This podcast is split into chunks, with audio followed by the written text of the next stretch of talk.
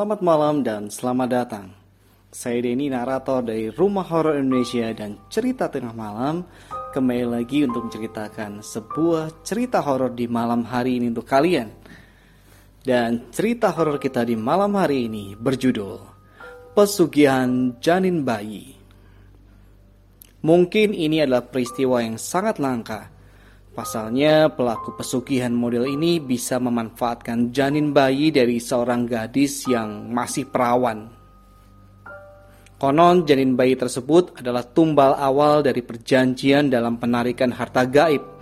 Meski sudah sering diingatkan tentang akibatnya jika menjalani pesugihan, namun para pelaku sepertinya sudah buta mata dan buta mata hati.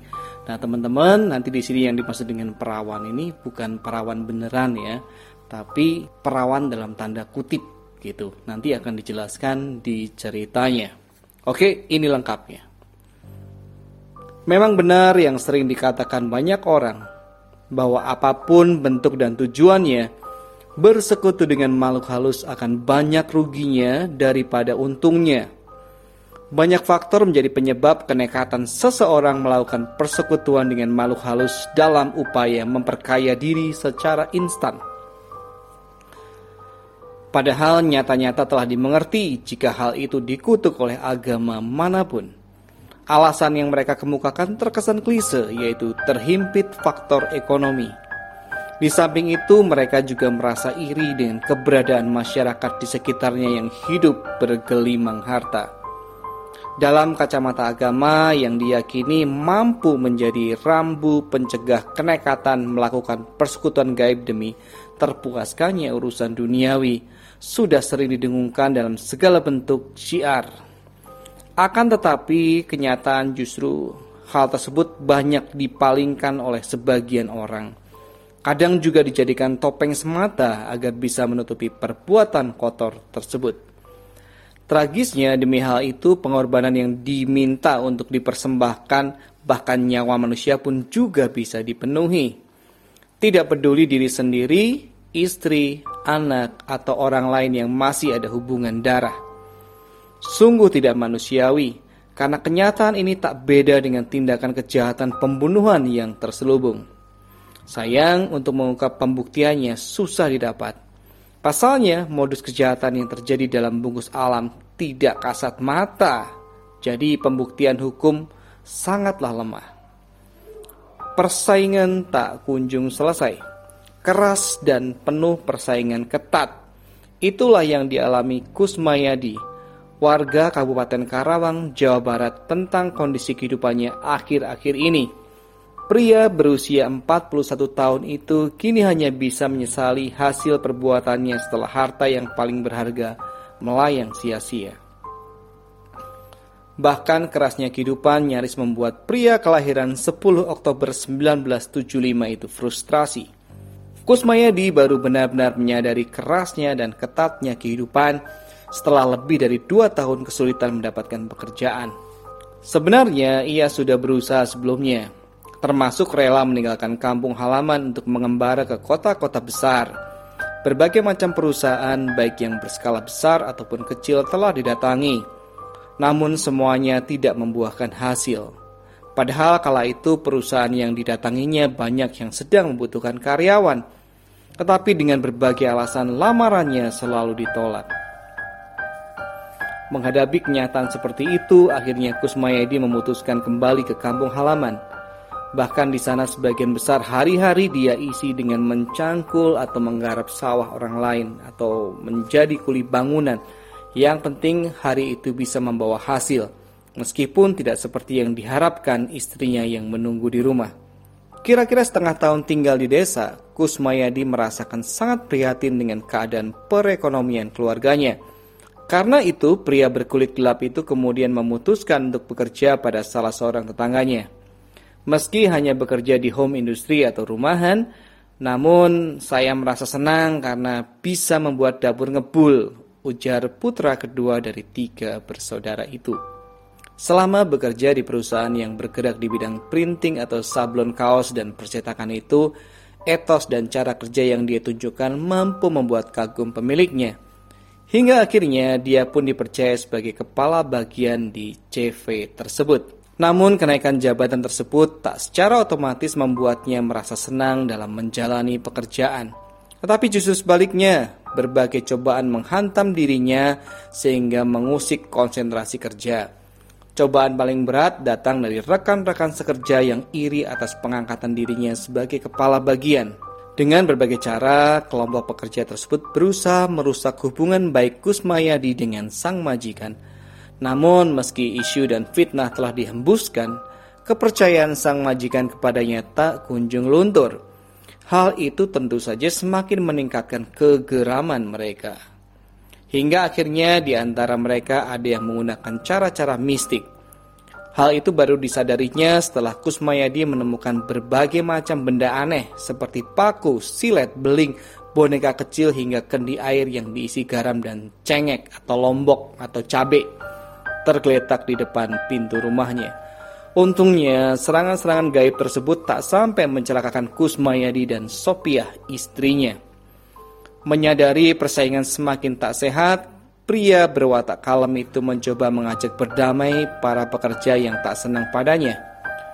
Akan tetapi dari langkah-langkah tersebut dia tak menemukan jawaban. Sehingga akhirnya dia sendiri yang mengalah dengan memutuskan untuk mengundurkan diri dari pekerjaan tersebut. Tentunya hal itu dia lakukan secara baik-baik kepada sang majikan. Sebenarnya bos saya itu keberatan jika saya keluar tapi mau bagaimana lagi jika teman sekerja sudah tidak menghendaki kehadiran saya? Terang Kusmayadi dengan rendah diri. Semenjak keluar dari CV itu, Kusmayadi kembali pada aktivitas semula, yakni menggarap sawah milik orang lain. Lelaki asal loji pangkalan itu tidak mau memperlihatkan kekurangan di hadapan sang istri yang sangat dia cintai.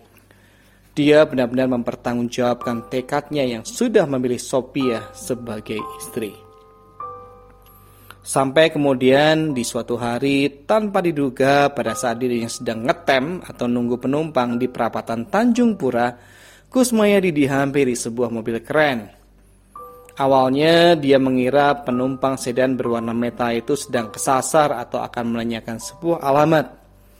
Namun setelah melihat siapa yang turun dan menghampirinya, Kusmayadi menjadi terkesiap kaget. Pasalnya, pria ganteng dengan pakaian yang perlente itu tidak lain adalah temannya semasa kecil yang lama meninggalkan Karawang. Hendro, demikian nama pria pemilik sedan itu. Masih diingat saat pergi pamit, Hendro masih dalam kondisi serba kekurangan. Bahkan untuk ongkos pergi merantau saja harus meminjam uang dan perhiasan emas pada Kusmayadi maka tidak aneh jika pertemuannya saat di perapatan terminal Tanjung Pura itu begitu terlihat sangatlah akrab, bak dua saudara yang lama tidak bertemu. Dikatakan Hendro bahwa dirinya pulang ke Karawang hanya untuk mengunjungi keluarga yang telah lama dia tinggalkan. Setelah bosan berbincang ngalor ngidul tentang kenang-kenangan waktu itu, Hendro menjadi prihatin atas keberadaan teman akrabnya ini. Meski awalnya agak berat untuk mengungkapkan, tetapi akhirnya dia memberanikan diri untuk mengajak Kusmayadi keluar dari kemiskinan. Dirinya begitu prihatin menyaksikan kondisi temannya yang terpuruk. Awalnya Kusmayadi sedikit risih ketika Hendro cerita jika keberhasilannya itu adalah hasil karyanya yang dibantu oleh seorang paranormal. Dikatakan Hendro bahwa keberhasilannya itu bermodalkan mencari seorang gadis perawan tapi sudah hamil di luar nikah. Nah inilah yang saya bilang tadi teman-teman. Perawannya dalam tanda kutip ya harus dipahami. Ditambahkan janin bayi dari perut gadis perawan itulah yang akan menghasilkan banyak uang. Dan Kusmayadi hanya cukup memberi sumbangan tali kasih pada gadis itu dengan nilai nominal sepadan 5 juta rupiah. Mendengar nilai yang disebutkan, Kusmayadi sampai tersentak batinnya berkutat. Jangankan uang jutaan, buat makan sehari-hari saja sulitnya minta ampun. Ya, kamu jangan melihat dari berapa besar uang yang akan kamu keluarkan, tapi kamu harus lihat hasilnya nanti. Uang miliaran bakal kamu terima, tegas Hendro, memberi penjelasan ketika Kusmayadi kebingungan. Mendapatkan tawaran demikian, Kusmayadi tak langsung memberikan jawaban. Dirinya memilih mempertimbangkannya lebih dulu. Hal itu ia lakukan karena memang sebelumnya dia termasuk orang yang anti dengan hal-hal berbau mistik. Soal uang, pikirnya bisa saja ia pinjam pada seorang atau pada Hendro, toh sebelumnya dia sukses dan dia juga pernah membantunya.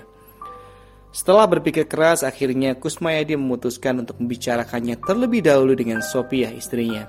Jika memang hal itu adalah jalan satu-satunya, mungkin saja dia akan menghubungi Hendro kembali.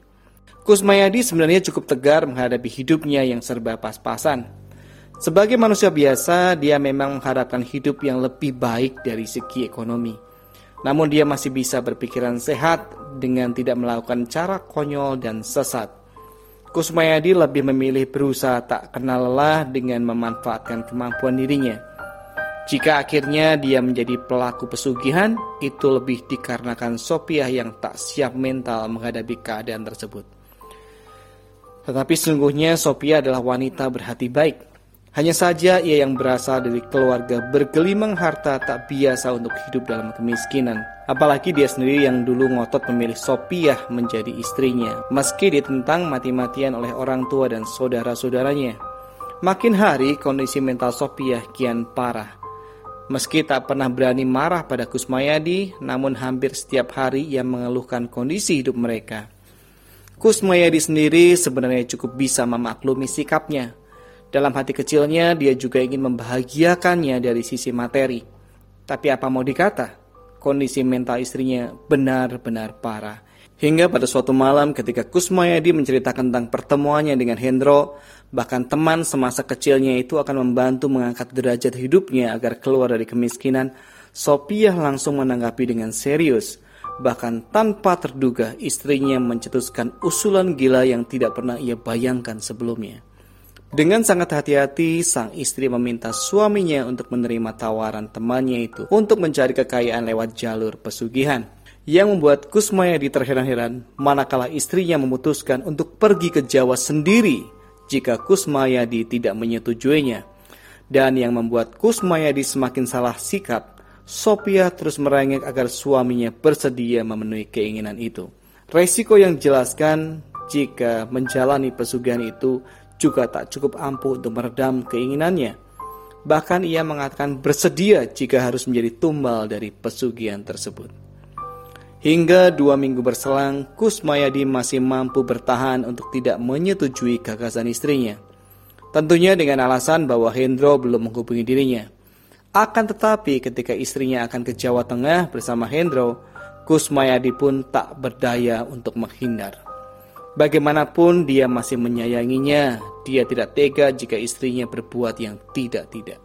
Hingga pada suatu hari setelah Kusmayadi memanggil Hendro dan menyetujui tawaran temannya itu, selepas maghrib mereka berkumpul di rumah Kusmayadi. Namun kali ini Hendro tidak datang sendiri, tetapi membawa pula seorang laki-laki yang usianya lebih tua darinya. Pria berwajah dingin itu memperkenalkan diri dengan nama Pak Guguh Kusmayadi tidak begitu jelas apa maksud Hendro membawa lelaki yang tidak dikenalnya itu dalam perjalanan mereka.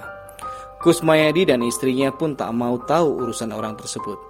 Yang jelas, begitu semua persyaratan ritual dan perlengkapan segala kebutuhan selama perjalanan telah dipersiapkan, keempatnya berangkat menuju Jawa Tengah. Usai menempuh perjalanan selama hampir satu malam, sedan mewah yang disetiri Hendro itu pun sampai ke Jawa Tengah. Namun mereka tidak langsung menuju lokasi yang dituju, melainkan istirahat di sebuah rumah makan di pinggiran kota Boyolali. Setelah merasa cukup istirahat dan perut telah terisi, perjalanan kembali dilanjutkan.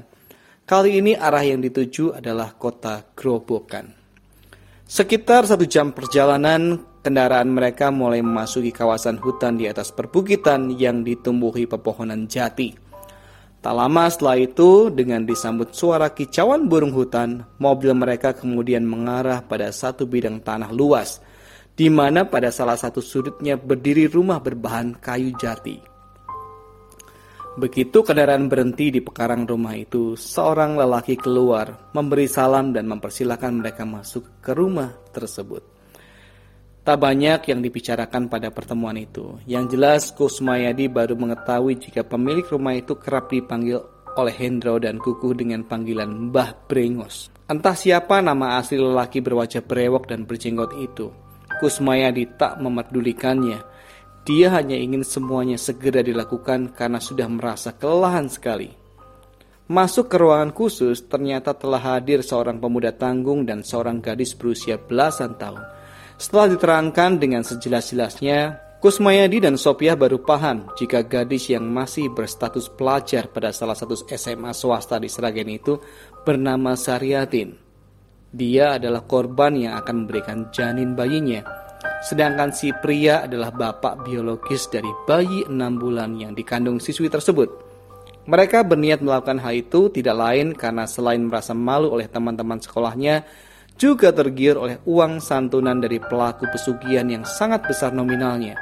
Selain itu, hubungan mereka pun tidak pernah disetujui oleh orang tua si pria, karena mereka masih duduk di kelas 2. Setelah semua dirasa cukup siap, sekitar tengah malam mereka pun memulai menggelar ritual. Diawali dengan membakar dupa, kemudian menyiapkan segala persyaratan ritual dengan menyediakan bunga kantil, bunga melati, minyak serimpi, minyak misik, binatang yuyu, kendi yang telah dicampur dengan kembang telon, kain kapan satu meter, bantal dan guling kecil, kapas, tusuk jarum, tiga buah dadu dan benang ante berwarna merah, serta beberapa lembar uang ratusan ribu. Konon katanya uang tersebut adalah pemancing bagi si pelaku pesugihan untuk mendapatkan uang yang lebih banyak jika nantinya si pelaku berhasil melakukan ritual pemindahan janin bayi ke alam gaib. Mbah Brengos dengan sabar mengarahkan Sariatin agar duduk bersemedi dengan alas kain kafan, tak jauh dari sebuah ranjang kecil berkelambu kumal. Sementara Gugu, Hendro, dan Kusmayadi hanya diperbolehkan mengawasi dari tempat yang agak jauh. Selanjutnya Mbak Brengos yang duduk di hadapan Sariatin mulutnya mulai komat kamit membaca mantra untuk mengontak penghuni gaib hutan bukit tersebut. Sementara itu anehnya Kusmayadi yang tidak mengerti dengan apa yang dibaca Mbak Brengos, dia lebih memilih membaca surat Al-Fatihah dan ayat-ayat lain demi mengusir rasa takutnya yang menjalar malam itu. Akan tetapi apa yang dilakukan oleh Kusmayadi ternyata diketahui oleh Mbah Brengos. Itulah sebabnya kemudian ia diusir dari ruangan khusus tersebut meninggalkan Sopiah yang duduk semedi tak jauh dari Sariatin. Hampir setengah jam berselang mulai terjadi perubahan di sekitar tempat mereka melakukan ritual pengambilan janin bayi. Mula-mula angin berhembus lembut sehingga membuat Sopiah yang duduk bersemedi menjadi ngantuk. Namun tak lama kemudian ia menjadi tersentak manakala angin berganti menjadi kencang. Dan hampir bersamaan tampak sesosok bayangan hitam pekat mirip bocah bertelanjang muncul dari atas ranjang kecil. Sosok bayangan hitam itu langsung turun dengan mulut mengeluarkan suara merengek layaknya bocah manja yang minta digendong. Sosok itu lantas mendekati tubuh Sophia Sophia yang sejak tadi memelototi bayangan hitam bocah itu hampir berteriak keras manakala sosok tersebut tiba-tiba saja duduk di pangkuan Sophia. Akan tetapi saat itu Sophia sama sekali tidak merasakan kaki dan kedua tangannya menyentuh sosok tersebut. Mbah Brengos yang menyaksikan hal itu lantas dengan gerakan isyarat menyuruh Sophia untuk diam. Sophia pun menurut. Setelah lama berada dalam pangkuan Sophia, Sosok bayangan bocah itu pun kemudian perlahan lenyap. Tak lama berselang dari lenyapnya sosok bayangan mirip tuyul itu, ujian kedua pun menyusul. Kala itu sebuah bayangan kereta kencana datang entah dari mana lalu berhenti tepat di atas ranjang tempat munculnya sosok bayangan bocah. Kemudian sosok wanita berwajah cantik yang mengenakan pakaian kebesaran keraton tampak turun dengan gerakan lembut menuju tempat ritual, kemudian berdiri dekat mereka.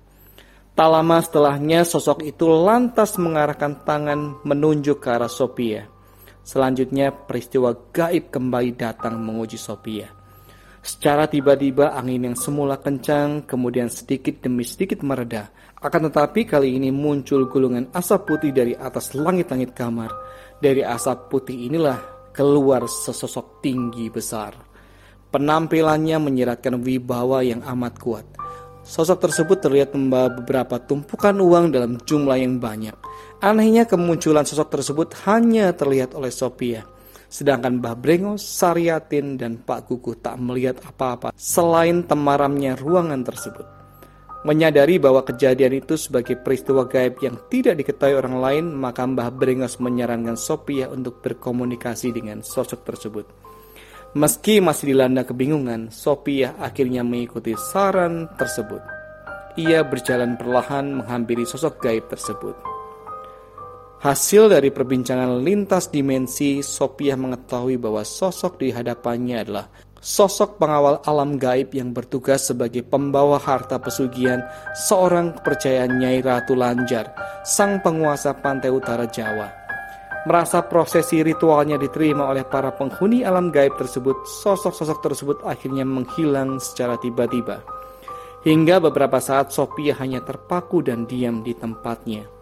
Ia seakan tidak percaya terhadap apa yang telah dialami. Ternyata melakukan ritual prosesi pesugihan itu tidak sesulit yang dibayangkan. Hanya dibutuhkan mental saja. Demikian batin Sophia setelah melihat situasi ruangan tersebut kembali hening seperti sedia kala. Akan tetapi tidak demikian dengan Sariatin. Petaka itu langsung segera menyiksanya. Tiba-tiba Sariatin merasakan tidak enak pada perutnya. Bukan rasa nyeri hendak buang hajat, tetapi nyerinya seperti hendak melahirkan. Karena itu ia pun segera memanggil Mbah Brengos yang masih duduk semedi di hadapannya. Namun aneh bin ajaib, belum sempat Mbah Brengos berdiri hendak membantunya, Sariatin merasakan jika perutnya saat itu juga terasa kempis seperti layaknya gadis yang tidak sedang hamil. Mengetahui perutnya yang sudah mengempis, ia pun memastikan hilang tidaknya bayi yang dikandung. Kemudian Mbah Brengos langsung memanggil seorang dari balik kamar. Wanita parubaya yang dipanggil Mbok Jumih itu ternyata seorang dukun beranak kampung setempat yang biasa bertugas mengecek kehamilan si pasien jika prosesi ritual dinyatakan selesai. Begitu keterangan yang didengar Sophia. Begitu muncul, paranormal kampung itu langsung memeriksa kandungan Sariatin. Mbok Jumi memastikan kalau janin dalam perutnya itu memang benar-benar sudah hilang – Begitu diberitahukannya oleh wanita itu, Sariatin nampak tertunduk lemas. Ia seakan menyesali atas perbuatannya yang tentu saja menanggung resiko besar bagi dunia maupun di akhirat nanti. Akan tetapi, ketika bayangan uang yang akan didapatnya begitu menggiurkan, bayangan kengerian mendadak hilang. Terlebih paranormal itu menyatakan jika hilangnya bayi yang dikandung Sariatin karena telah diambil oleh sosok pengawal gaib Nyai Ratu Lanjar. Sehingga cerita, sebagaimana yang ditekankan Mbah Brengos dalam prosesi ritual tersebut, apa yang diinginkan Sophia akhirnya terkabulkan. Tetapi sebagai gantinya, para lembut alam gaib itu memberikan beberapa persyaratan, yakni Sophia harus merawat dengan baik jika nantinya ada seorang bocah yang datang ke rumahnya. Selanjutnya, setiap tahun ia diharuskan menggelar selamatan dengan menyembelih kambing kendit di lokasi bekas ritual dan yang terakhir, Sopiah diharuskan bersedia menyusui sosok bocah tersebut setiap kali muncul di rumahnya. Sebuah syarat yang sangat mengerikan di mata Kusmayadi jika itu benar-benar terjadi. Namun karena sejak semula istrinya telah menyatakan kesediaannya melakukan persekutuan, maka akhirnya dia pun hanya pasrah saja. Dan sejak itulah keduanya mulai terikat perjanjian gaib setelah merampungkan ritual perjanjian, mereka pun bergegas pulang. Seminggu kemudian, hasil dari perjanjian gaib itu mulai dapat terlihat oleh mereka. Di malam Jumat pertama, sejak kehadiran sosok bayangan bocah hitam dalam keluarganya, Kusmayadi dan Sopiah dikejutkan dengan penemuan segepok uang ratusan ribu dalam laci meja warung kelontongnya. Sebagaimana isi perjanjian, warung kelontong dadakan itu adalah warung kiasan yang wajib disediakan pelaku sepulang dari ritual. Selain itu juga bisa diartikan sebagai pengalih perhatian para tetangga jika mereka adalah penganut pesugihan. Dan di minggu-minggu berikutnya pendapatannya kian melimpah. Hingga dalam satu bulan pertama total uang gaibnya sudah mencapai ratusan juta rupiah. Melihat tumpukan uang sebegitu banyaknya, Sophia sangat bahagia. Dari hasil tersebut, pertama-tama yang dibelinya adalah perabot rumah tangga yang sangat mewah serta berbagai macam perhiasan. Dan waktu-waktu berikutnya, gantian kebutuhan lain yang dibeli seperti sebidang tanah di luar kota, beberapa hektar sawah yang juga di luar kota. Hanya saja, meski sudah berjalan satu tahun, Kusmayadi tidak berani untuk membangun rumah baru atau membeli kendaraan anyar model baru.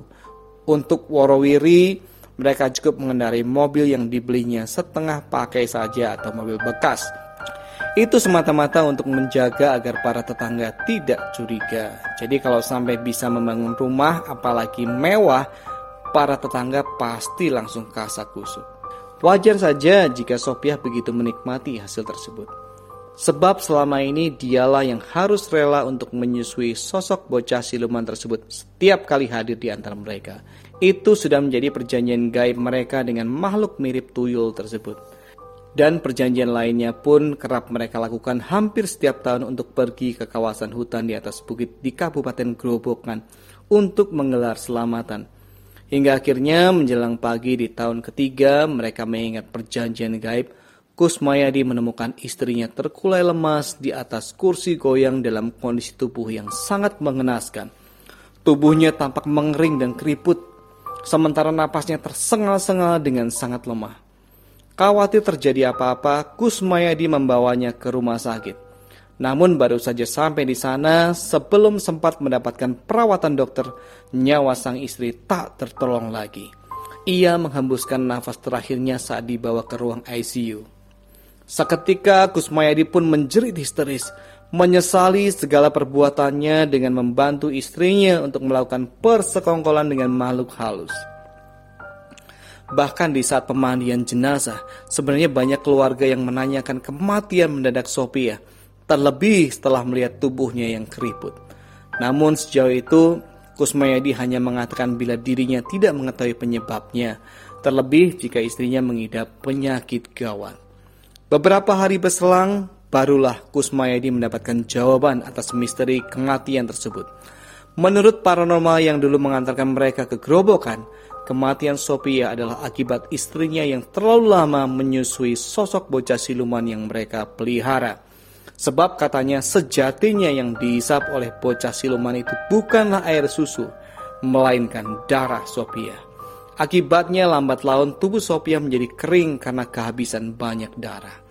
Kini Kusmayadi hidup sendiri di usianya yang lebih dari 50 tahun. Hidupnya pun kembali seperti semula, serba pas-pasan, tanpa anak ataupun istri. Karena selama berumah tangga dengan Sophia mereka belum diberi momongan.